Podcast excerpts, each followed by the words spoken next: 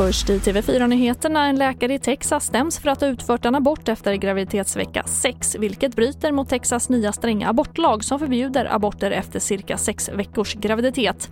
Läkaren gick själv ut offentligt och berättade i en debattartikel att han utfört aborten och han gjorde det för att han ville bli stämd så att den nya lagen ska utmanas i domstol.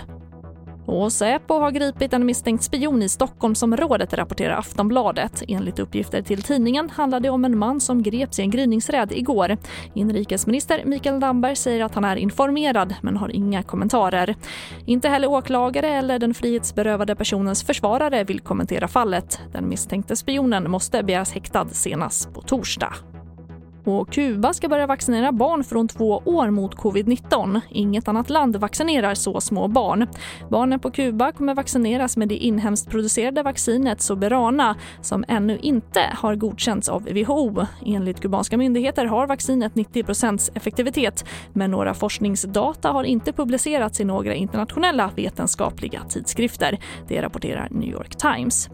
Fler nyheter det hittar du alltid i vår app TV4 Nyheterna. Jag heter Charlotte Hemgren.